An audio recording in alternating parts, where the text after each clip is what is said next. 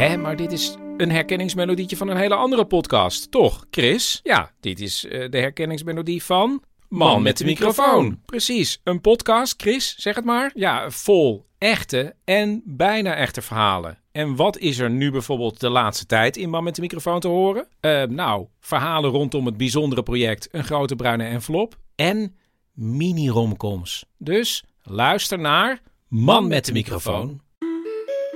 Uh, welkom bij Verrukkelijke Wetenschap. Mijn naam is Daan Snijders, ik ben wiskundige en ik neem u iedere week mee in een zoektocht in de wereld van de wetenschap. Eindelijk een podcast voor iedereen die ooit een keer waarom heeft geroepen.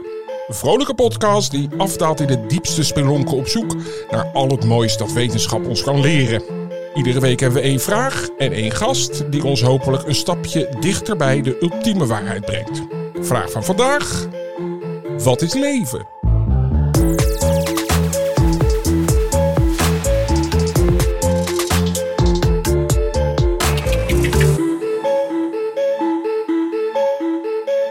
Een beetje zware vraag, maar ik kwam op die vraag omdat mijn dochter van 13, Merel, eh, naar me toe kwam met een steen en een mier. En zij vroeg: Papa, waarom leeft deze niet? Wijst op de steen. En deze wel. Kijkend naar de mier. Nou, papa moest daar heel lang over nadenken. En drie maanden later wist hij het eigenlijk ook nog steeds niet. Want wat is leven nou? Gelukkig ziet hier naast me mijn zus Merlijn. Ja. Merlijn, welkom. Ze is journalist. En ik mag wel zeggen, totaal geen wetenschappelijke achtergrond. Geheel niet. Heel goed.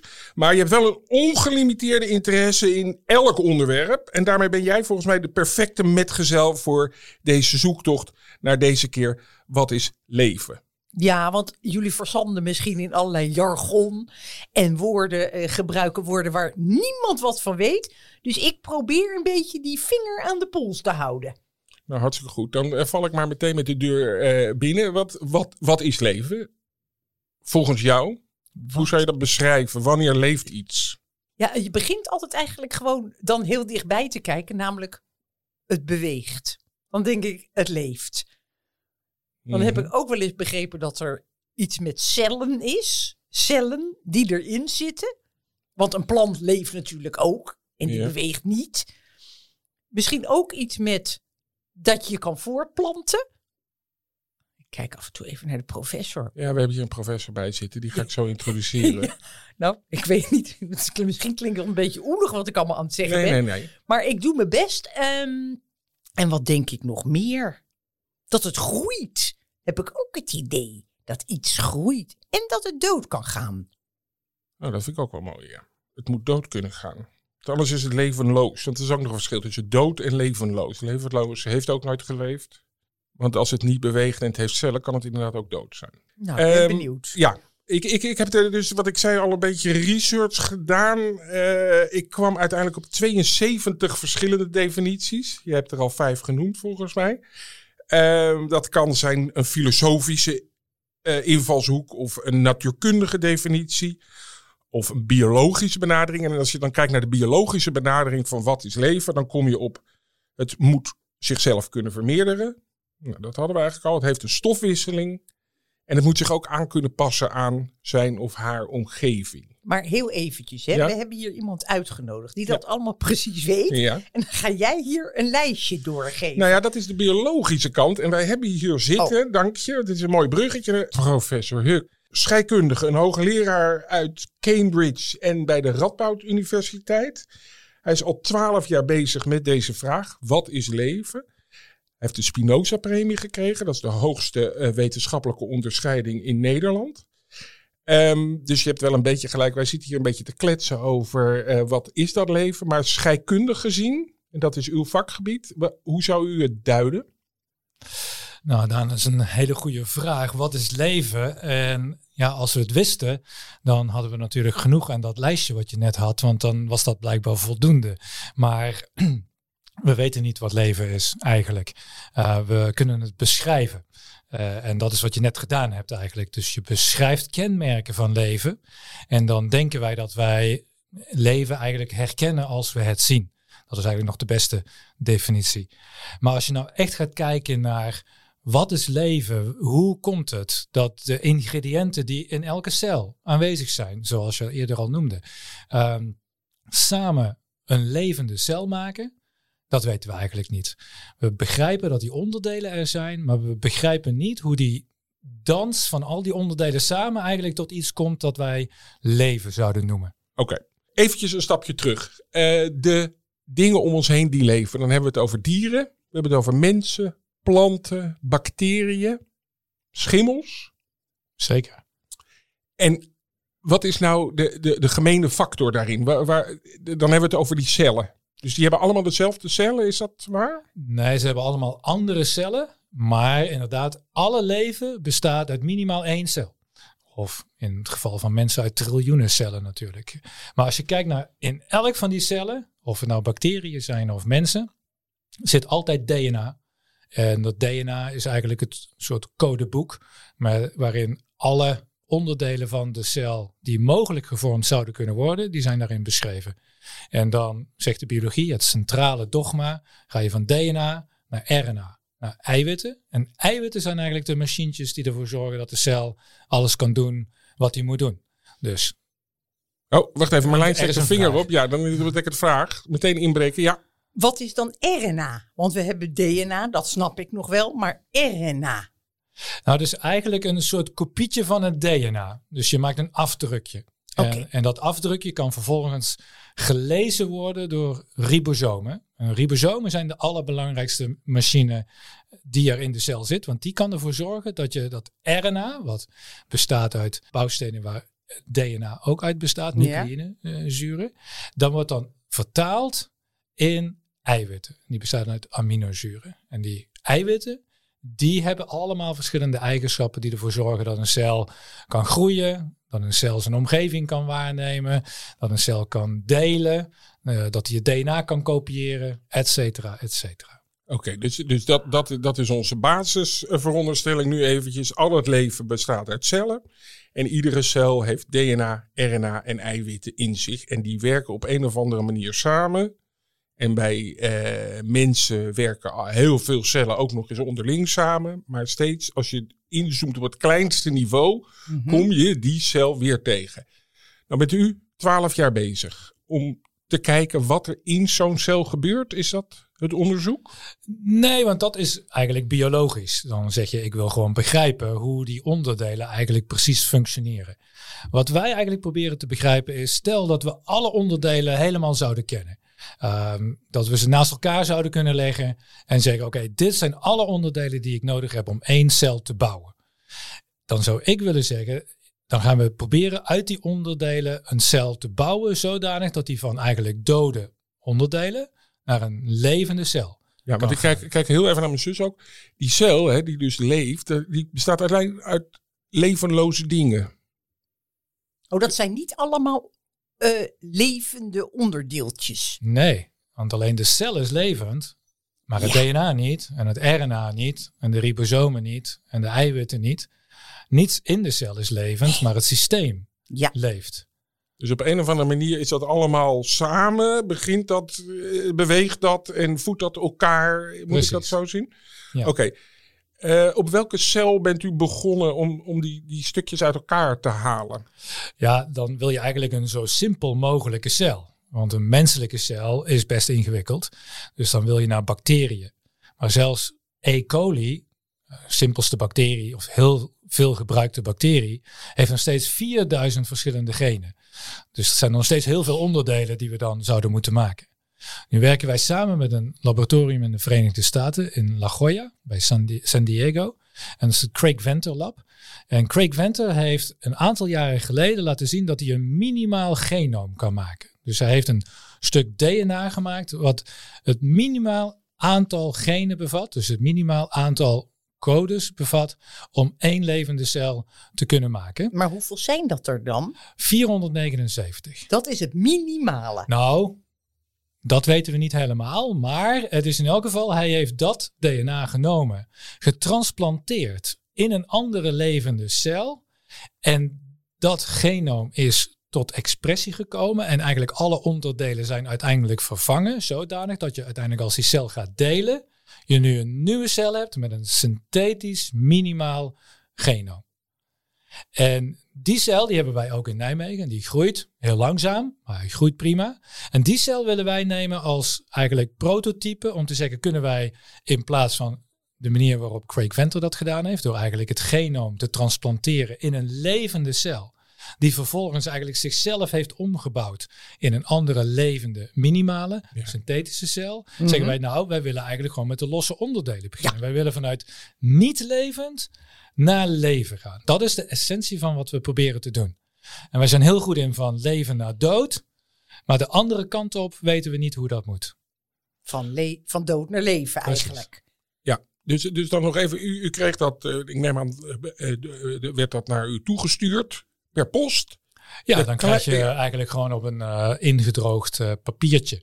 eh, krijg je een paar van die cellen. Die, eh, die, als je ze droogt, bacteriën, dan, dan zijn ze nog steeds levensvatbaar.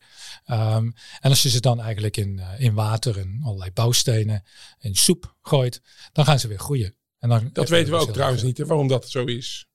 Dat, dat, dat als het helemaal niks meer doet, dat het dan op opeens wel weer gaat bewegen. Ja, dat is wel een bijzondere tussenvorm inderdaad. Als een bacterie een soort sporen vormt die duidelijk niks doet. Dus geen metabolisme, kan niet groeien, kan niet delen. Maar is toch nog ook niet dood. Hij kan, als je er water bij gooit, gaat, hij weer groeien. Dus dat is Net zoals een zaadje van een eikenbomenlijn. Ja. Ja. die doet ook niks. Totdat je in de grond stopt, water Ja. erop en dan komt er een eik En dan uit. komt hij weer. Nou heb ik nog heel eventjes, nog even terug, Ja. terug op iets anders. Want dan viel het woord genoom. Ah, mijn excuses. Eh, ja, nee, daar kunt u niks aan doen, want dat is uw eh, dagelijkse... eh, Nog steeds bij ons professor Huk. Ja, Maar da- dan, ik heb het wel eens gehoord, maar dan doe ik altijd maar alsof ik weet wat het is. Maar dat durf ik nu eh, even te vragen. Nou, het genoom van een organisme, van een mens, of van een E. coli, of van een eikenboom, eh, is eigenlijk het totale set aan genen. Dus alle verschillende eh, codes voor elk verschillend onderdeel bij elkaar. Daar komt het eigenlijk op neer. Dus in, de me- in het geval van de mens zijn dat miljarden ehm, letters in het, in het alfabet van het DNA. In het geval van E. coli zijn dat er tienduizenden ehm, tot een miljoen. Eh, eh, in het geval van die minimale cel zijn het er natuurlijk zo weinig mogelijk. eh. Ja. oké. Nou, het, het lag voor u. Die bacterie, wat bent u als eerste gaan doen om te kijken van, dit leeft nog? Bent u, bent u het meteen eh, helemaal uit elkaar gaan halen? Of? Nou, wij kunnen het zien groeien natuurlijk. Eh, en het, het gedachte-experiment dat je, eh, dat je eigenlijk zou willen doen, zijn twee richtingen. Je zou eigenlijk kunnen zeggen, ik zou er één molecuul willen uithalen. Gewoon één molecuul, ergens een onderdeel. En dan kijk je of het nog leeft. En dan leeft het nog. En dan zeg je, nou, twee moleculen dan. En dan leeft het nog steeds. En dan zeg je, nou, dan ga ik er drie uithalen. Leeft het ook nog steeds. Dus ergens moet een punt zijn waar het dan blijkbaar niet meer leeft. Nee. Dat zou één manier kunnen zijn om die overgang tussen leven en niet leven te kunnen bestuderen. En, en dan meteen snel weer terugstoppen als die laatste? Ja, bijvoorbeeld. Bijvoorbeeld, dan stop je het snel weer terug en kijk je of hij het weer doet. Nou, experimenteel kunnen we dat niet. We kunnen niet één molecuul eruit halen. Dus die methode, eh, dat is een Want dat is, gedachte-experiment. dat is te, te klein? te Ja, het is te klein. En ik kan niet met moleculaire precisie eentje eruit halen. Dus, eh, dus wij dachten van, nou, we kunnen natuurlijk wel zeggen, we hebben nu een minimale cel. We hebben er heel veel van natuurlijk, want die groeien in een reageerbuis. eh. en we gaan ze gewoon helemaal tot moes slaan eigenlijk. We gaan er gewoon alle onderdelen los eruit halen. Dus we halen het DNA eruit, we halen de membraan dat er omheen zit eruit. We halen die ribosomen eruit. We halen eigenlijk alle onderdelen die erin zitten, halen we eruit. Die kunnen we opzuiveren. En dan gaan we manieren bedenken om die allemaal weer precies zo bij elkaar te brengen. Zodat het lijkt alsof je die cel weer aan het bouwen bent. En dan willen we kijken of die dan, als we dat doen, of die eigenlijk gewoon weer gaat leven. Dus we, we gaan eigenlijk vanuit alle onderdelen. Die levenloos zijn. Hè? Dit zijn allemaal dode Precies. dingen die daar liggen op tafel. Bij elkaar. Ja, het en is dat een die soort dan, Lego. Lego-blokjes zijn het. En dan moet het daarna gaan leven. Ja, ja, en ja. je zou denken, een, als je een, eh, een, een groot vliegtuig hebt, heeft meer onderdelen dan zo'n minimale cel. En zo'n groot vliegtuig kunnen we gewoon bouwen door eigenlijk gewoon te zeggen, we leggen alle onderdelen op een rij. Ja. En we beginnen bij bladzijde 1. En we gaan het gewoon in elkaar knutselen tot, totdat het vliegtuig er staat. Eh, ehm, alleen we hebben natuurlijk een blauwdruk voor zo'n vliegtuig, maar we weten niet hoe je dat doet voor een cel. Uh, is er een bepaalde volgorde die we zouden moeten gebruiken? Dat denk ik wel. Kun je alles gewoon op een hoop gooien en dan denk ik niet. zal het wel weer gaan werken? Um, we weten het niet. Nee. Dus dat proberen we uit te vinden. Ja. En vooral dan wat het levend maakt. Ja, dat. wij hopen dat we dan op een gegeven moment zien dat er een vonk van leven ontstaat, als het ware. Maar heel eventjes, dit is nog nooit iemand gelukt. Nee. En hoeveel mensen nou ja, want dan, dan ben je ook meteen God namelijk. Nou, en hoeveel mensen in de wereld zijn daar nu mee bezig met zo'n onderzoek? Nou, ik denk dat er enkele tientallen groepen misschien in de wereld zijn die dit proberen op allerlei verschillende manieren, moet ik wel zeggen hoor. Ik denk dat wij misschien de meest extreme vorm hebben, dat we echt zeggen, we gaan gewoon al die onderdelen van een minimale cel nemen en we proberen dat systematisch weer in elkaar te zetten. En, en wat voor problemen kwam u tegen toen u daarmee bezig was? Wat gebeurde er? Ja, dat is een beetje een droevig verhaal. Oh. Ehm, oh. Het is niet gelukt. En dat komt omdat de minimale cel die wij kregen uit Californië, um, zodra je die stuk slaat, dan blijkt er één van die onderdelen zo actief te zijn in het afbreken van alle andere onderdelen en vooral van die ribosomen die ik eerder noemde, dat we elke keer als we de onderdelen proberen te vangen, eigenlijk de meest essentiële onderdelen, de ribosomen, al kwijt zijn. En die ribosomen, die, dat zijn de eiwitten eigenlijk die, ja, die uh, zorgen voor het aflezen van de DNA en dat of van de RNA en vertalen naar de eiwit, toch? Of, dat klopt, ja, het is iets ingewikkelder. Een ribosoom is eigenlijk een, een, een, een machine, uh, kan je bijna wel zeggen, is 10 nanometer groot. 10 nanometer, als je bedenkt, dikte van een haar is ongeveer 70 micrometer. Dus duizend keer zo klein, duizend keer zo dun als een haar is 70 nanometer en dan nog eens een keer 7. Dan zit je bij een ribosoom. Uh, en dat ribosoom is eigenlijk een aantal eiwitten en RNA bij elkaar. Dus okay. uh, dat is misschien later om daar interessant uh, om daar nog over na te denken waar dat dan vandaan komt, hoe dat ooit ontstaan is. maar die machine, die wordt dus afgebroken door iets in die cel die het niet afbreekt als de cel levend is. Maar als wij hem uit elkaar proberen te halen, dan breekt hij dat meteen af. Als een soort verdedigingsmechanisme van je maakt me kapot, ik ga snel eerder. Nou, dat zou je bijna denken. We weten het niet. We weten wel dat we dat onderdeel er niet uit kunnen halen, want diegenen die in die minimale cel zitten, die zijn allemaal essentieel. Dus als je die eruit haalt, dan leeft het niet meer. Nee. Dus we kunnen het er niet uithalen, maar we kunnen het ook niet stoppen. En we hebben de afgelopen drie jaar alles op alles gezet om dat toch voor elkaar te krijgen. Maar op dit moment hebben we even de handdoek in de ring gegooid wat betreft dit, deze minimale cel. Maar ik vind al drie jaar, dat is toch ook al tomeloze geduld. En dan ging je elke dag weer naar, naar, naar, het lab om daar opnieuw te proberen. Ja, nu moet ik toegeven dat ik zelf niet veel experimenten doe. Maar de mensen in mijn groep gingen dat inderdaad elke dag weer proberen. Ik vind het een heldendaad hoor. Want als, als het lukt, ja. Ja. Nou, dat is precies wat ons op de been hield. Want als wetenschapper wil je natuurlijk als eerste iets ontdekken. Dat is eigenlijk het meest fantastische van wetenschap. Ehm, en als je een topsportvergelijking wil maken, het mooie in de topsport is dat je ook nog een zilveren medaille kunt winnen. Maar als je natuurlijk ontdekkingsreiziger bent in, in de wetenschap, dan heeft het weinig zin om iets te ontdekken wat iemand anders ook al ontdekt heeft. Dus er is geen eer voor de tweede plaats, bij wijze van spreken. Dus, dus dit houdt je eigenlijk op de been, want je bent overtuigd dat dit een goed idee was. En je wil het gewoon heel erg graag ontdekken. En dus het duurt even voordat je opgeeft. Niet, niet, een klein beetje leven, dat het een klein beetje werkte? Of het was... Het ja, soms denk je dat het even werkt. En dat houdt je dan weer drie, vier, vijf maanden bezig. En dan blijkt dat het toch niet werkt. Nou, nou heb ik ook dus gekeken naar zo'n cel hè, van tevoren. Dat doe je een beetje voorwerk voor zo'n podcast. Je kan niet zomaar binnenkomen lopen. Van, uh, oh, wat, dat kan niet? Uh, dat kan niet, sorry. um, en dan, als je dan zo'n cel bekijkt. En we hebben het natuurlijk nog steeds over leven. We hebben het over honden. We hebben het over mensen, over planten, over bomen. Emotie. Maar, maar toch, met professor Willem Huck kijken we dan naar het allerkleinste niveau. Waaruit dat allemaal is opgebouwd. Um, als ik dan kijk naar zo'n levende cel, dan, dan, dan zie je al die interacties daartussen, die eiwitten.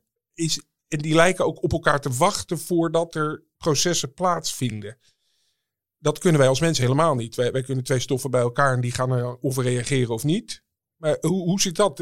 Dat er een soort tijd ook lijkt te spelen in zo'n cel. Ja, ik denk dat dat precies de crux is van. Nou, dan gaan we afsluiten.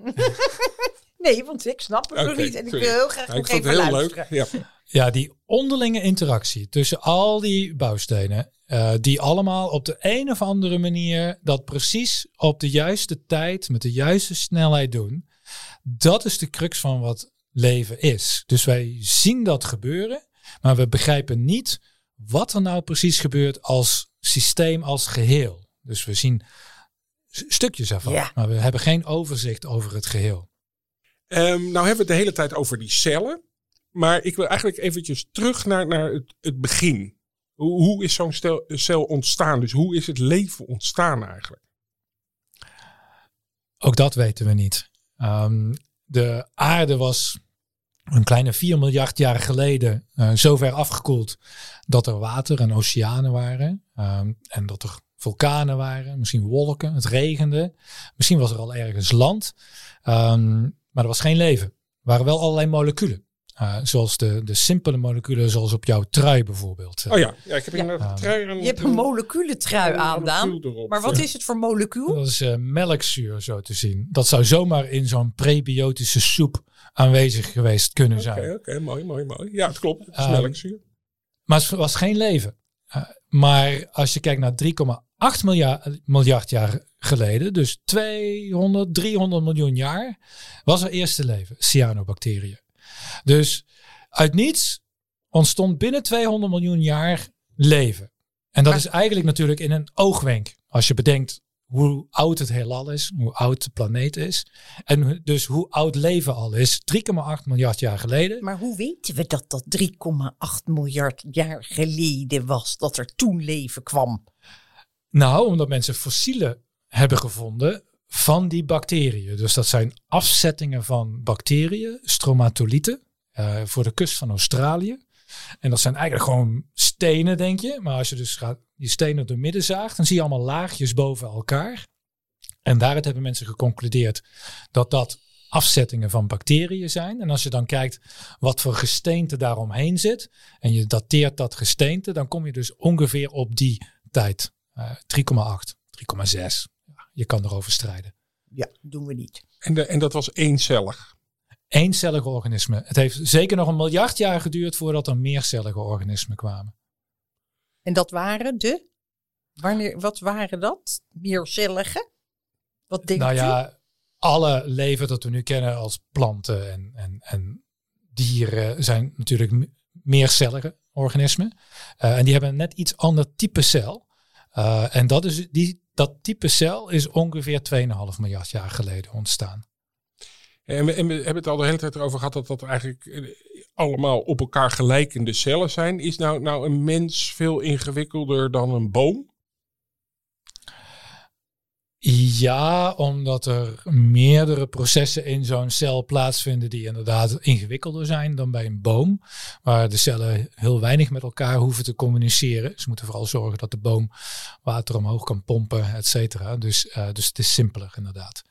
Maar de essentie op moleculair niveau is eigenlijk niet zo heel verschillend. Nee, dat vind ik zo mooi hè, van eh, eh, professor Huck. Die vindt eigenlijk mensen ook... eh, Vorige keer eh, sprak ik u en toen had u het erover dat, dat het... Ja, een mens is eigenlijk ook maar twee cellen. Aan het begin. Het begon natuurlijk Ja. met twee cellen. Ja, dat weet ik ook. Ja. En dan, Maar- ja, dan gebeurt er het een en ander en dan heb je er een heleboel. Maar, maar even, als, als u kijkt naar één cel, hè, als u dat zou begrijpen, want daar wil ik eigenlijk een beetje naartoe, zou u dan ook kunnen begrijpen hoe een mens werkt? Weet u dan alle cellen al te ontcijferen? Ja, ik denk dat als je het geheim van een levende cel eh, ontsluit, dan weet je dat ook voor menselijke cellen. En hebben wij de meest ingewikkelde cellen? Of heeft bijvoorbeeld een koe nog meer ingewikkelde cellen? Ehm, volgens mij verschilt er niet zo heel veel hoor. Oké. Maar nu worden de biologen die dit horen vastpost. Maar Nou, jammer. Ja, oké, oké, oké. Maar eh, misschien moeten we ook eventjes vragen aan de professor hoe het zit met die omschrijving van wat is leven. Want jij kwam wel met een hele lijst. Ja, nou ja, het waren er vier, ja. Sorry. Eh, maar dat, dat vind ik toch wel prettig als ik dat eventjes hoor. Van wat vindt u leven? Als u dat zou moeten vertellen aan mij, aan een leek. Wat moet dan, wat is leven? ja, voor een deel zou ik zeggen, je herkent het als je het ziet. Uh, het bestaat uit cellen, altijd. Uh, het kan uh, groeien. Het, het, kan eigenlijk voeding opnemen uit zijn omgeving. Het kan zich aanpassen aan de omgeving. het kan onderscheid maken tussen binnen en buiten, eigenlijk. Um, en het kan delen, dus zichzelf vermenigvuldigen. Um, een hele simpele definitie is eigenlijk die van NASA. NASA heeft een hele strakke definitie proberen te maken. Uh, en die zegt: leven is een zichzelf in stand houdend systeem van chemische reacties dat Darwiniaanse evolutie kan ondergaan. Het is toch een romanticus, hè, professor Huck? leven is een chemisch proces wat Darwiniaanse. Het is wel mooi. Ja, nou ja, wacht even. Dan moet, ik zou het willen ontleden. Net zoals je die cel probeert te ontleden. Want ja, Nou, het houdt zichzelf in stand. Dat zijn we zeker. Het is een chemisch systeem, want het bestaat uit moleculen. Um, en het kan Darwiniaanse evolutie on, uh, ondergaan. Nou, dat betekent dat het seks kan hebben eigenlijk. Dus dat het ja. uh, genen kan uitwisselen. Nou ja, dan heb je eigenlijk gewoon een beschrijving van uh, leven zoals wij dat kennen. Ja, ja. Maar dat dood, wat ik dan zo graag erin had willen hebben, dat uh, speelt geen rol. Hoe bedoel je dat, Marlijn? Nou, dan bedoel ik dat het dood moet kunnen gaan. Oh, Oké. Okay. Ja, nee, eeuwig leven kan ook, toch? Zeker als we die cel kunnen bouwen. Oh, als je eeuwig kan leven, dan hoef je ook niet te groeien, of dan hoef je niet te delen in elk geval. Want als één cel onsterfelijk zou zijn, dan zou die niet hoeven delen. Maar we kennen daar geen voorbeelden van. Wel nee. van cellen die heel erg langzaam delen, eens in de duizend jaar of zo. Um, maar goed, die, moeten, die, die delen wel af en toe.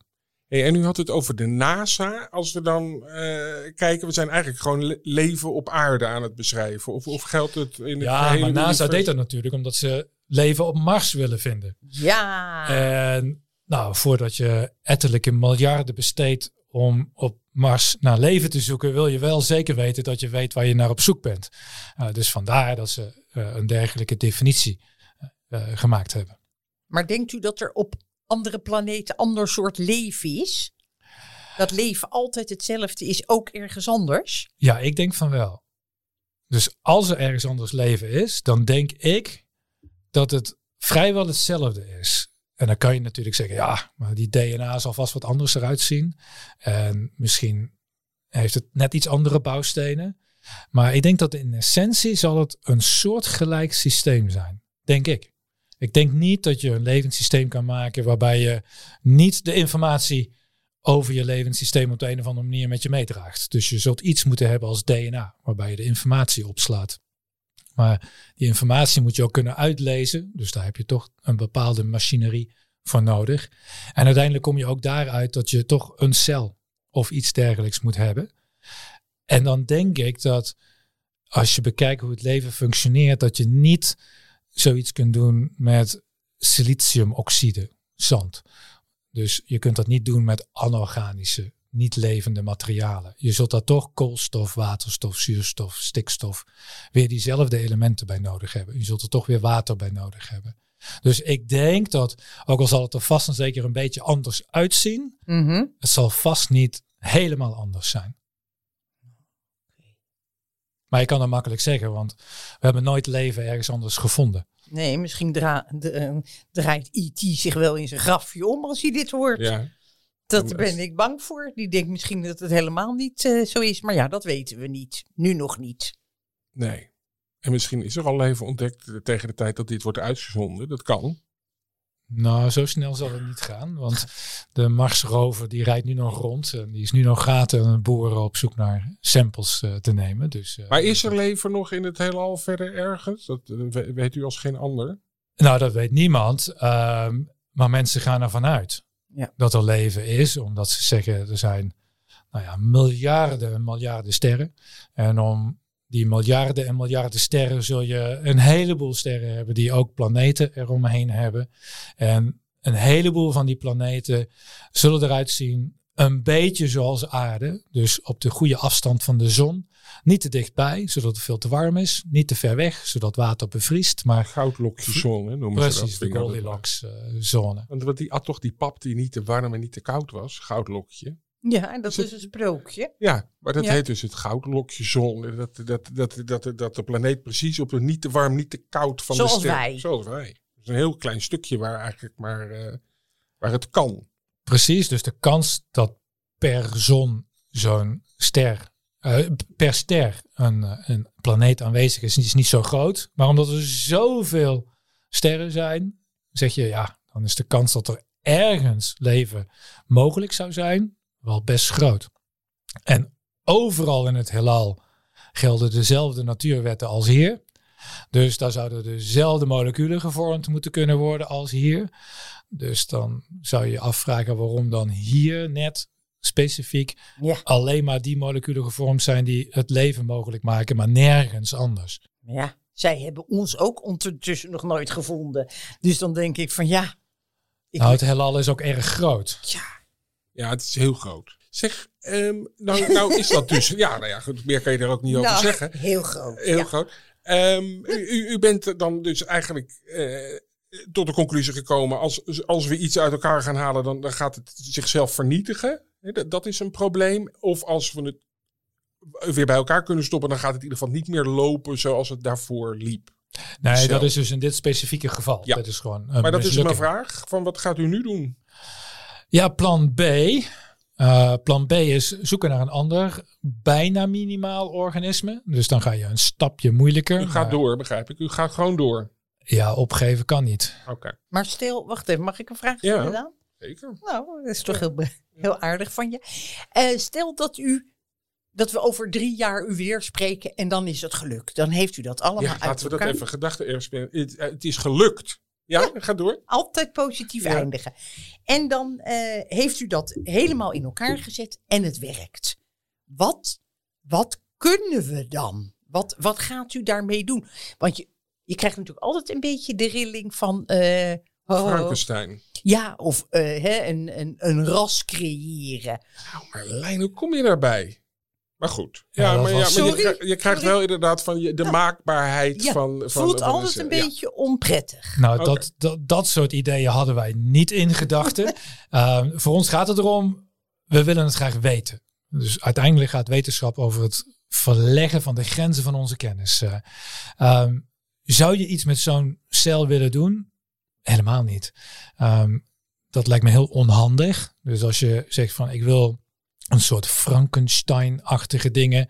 Ja, die zou je nu eigenlijk ook kunnen doen natuurlijk. We kunnen genetisch manipuleren van allerlei cellen. Dus, Ja, en die leven het- al en die doen het Ja. ontzettend goed. Dus waarom zou ik eerst een hele krakkemikkige cel proberen in leven te houden... die Ja. dan ook nog allerlei gekke dingen moet doen? Dat lijkt me, als ik praktisch dingen daarmee zou willen doen... dan ga je dat niet op die manier aanpakken. Ehm, dus nogmaals, ik denk allereerst is het eh, die, die nieuwsgierigheid, daar gaat het om.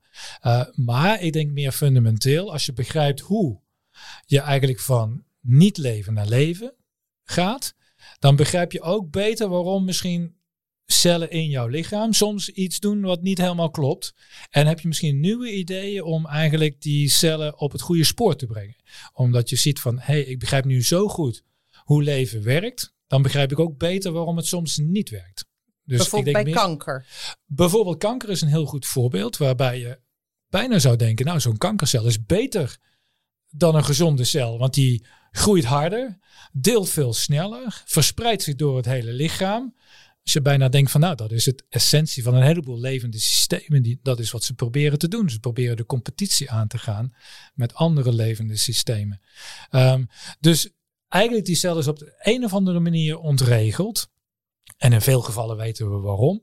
Maar in sommige gevallen zou je ook kunnen proberen te bedenken, in plaats van één onderdeeltje te, te repareren, wat we nu vaak proberen te doen met een medicijn, Mhm. zou je kunnen proberen om het hele systeem op de een of andere manier een duw in de goede richting te geven, zodat het systeem weer goed functioneert. En dan hoef je dus niet ergens één onderdeel te repareren, maar moet je het hele systeem een beetje beter afstellen. Weet je waar ik, eh, waar ik aan zit te denken? Aan, aan, aan, aan, een vluchtvogels. Die zich allemaal in een wolk samen... Spreeuwen. Ja, spreeuwen. Zo'n systeem. En, en dan eh, ga je er eigenlijk spreeuw voor spreeuw uithalen. En op een gegeven moment is het geen wolk meer. En dan is het geen... Het lijkt wel één ding, toch? Zo'n spreeuwenzwerm.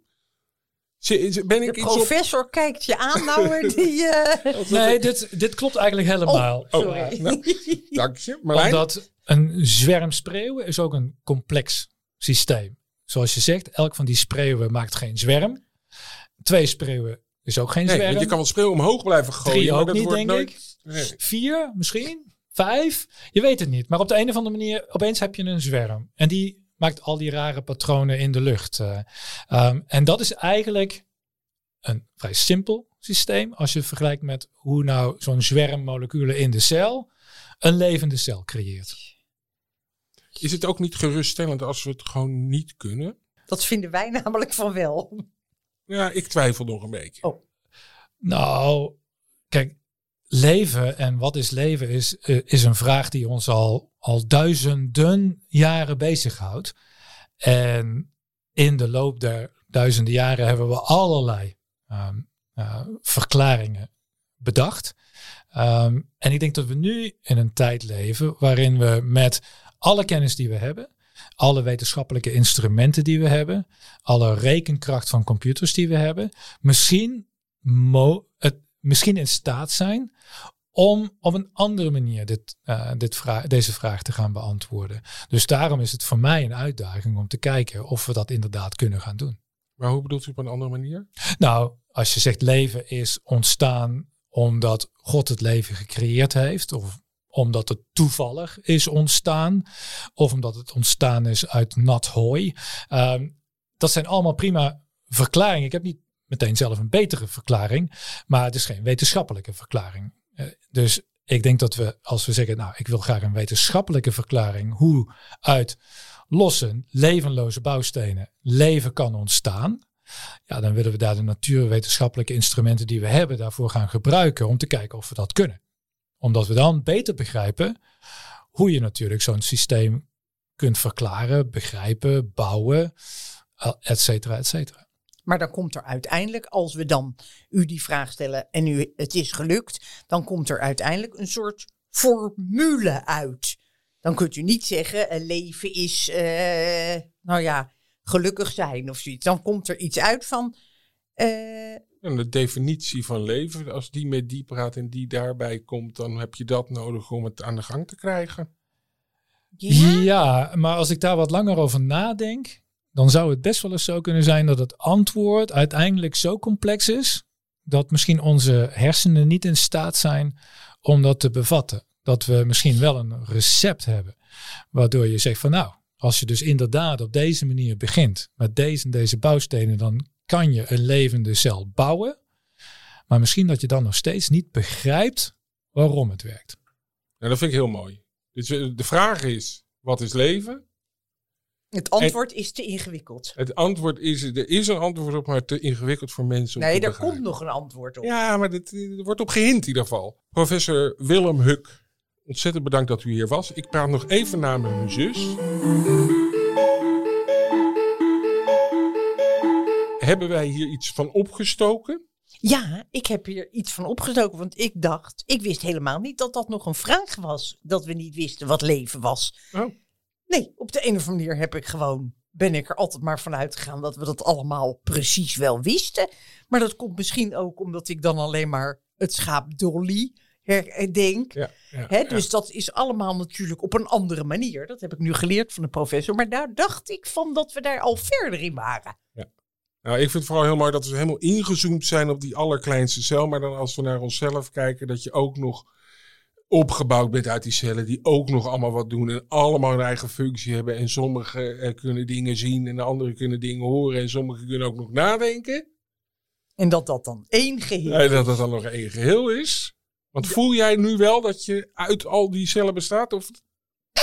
Nee, dat, maar dat Nee, is misschien wel. over een uur. Misschien over een uur. Jij komt zo direct thuis bij Merel, Ja, mijn kleine nichtje. En Ja. wat ga je daarover zeggen met die steen en die mier? Oh ja, verdorie, daar heb ik nog helemaal niet aan gedacht. Ehm, die steen in die meer. Nou, ten eerste ga ik zeggen dat er een, ook een professor is die, die het ook niet echt weet. Ik denk dat ik daar al heel goed mee kom, wegkom. Daar scoor je goed mee. Ik kan misschien even zeggen dat, dat, het dus dat het cellen zijn met, met DNA erin. Ehm, maar ik denk dat ik toch eigenlijk geen goed antwoord voor heb. Het leven is een, is een wonder, dat zal ik tegen haar zeggen. Dan hebben we nog een e-mailadres voor mensen die zich bijvoorbeeld doodergeren aan mijn stem of aan andere leukere dingen. Ja. Verrukkelijke wetenschap kortimedia.nl. Je weet nooit, misschien zijn er nog levensvragen. Kortie met een C. En mocht u, jij zei het zo mooi Daan, onder de indruk zijn of verrukkelijk, wat moest ik zeggen? Ja, je moet je verrukkelijk abonneren op onze podcast. Je moet je verrukkelijk abonneren op onze podcast bij je lievelingspodcast app. Hey, wat mij eh, eh, betreft een geslaagd onderzoek weer deze week. Eh, volgende week zal ik je weer uitdagen met een nieuwe vraag. Hopelijk met weer zo'n heldere spreker. Oké, tot dan.